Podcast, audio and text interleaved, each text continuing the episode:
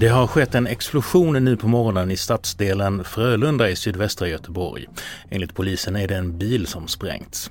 Under förmiddagen väntas högerextremisten Rasmus Paludan hålla en sammankomst på Frölunda torg i närheten av den adress som explosionen inträffade vid.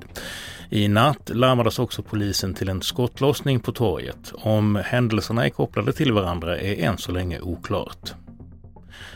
Den amerikanska senaten röstade i natt ner Demokraternas lagförslag som skulle säkerställa aborträtten.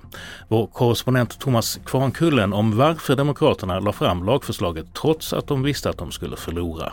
Man kan se det som ett eh, första försök att göra det här till en stor fråga inför eh, mellanårsvalet. Man vill helt enkelt mobilisera väljare som har upprörts av att aborträtten hotas i, en, eh, i ett stort antal Eh, amerikanska delstater.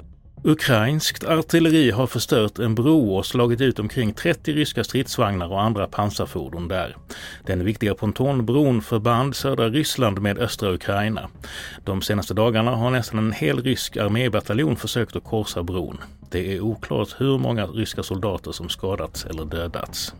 Fler nyheter på tv4.se. I studion Henrik Berglind Delin.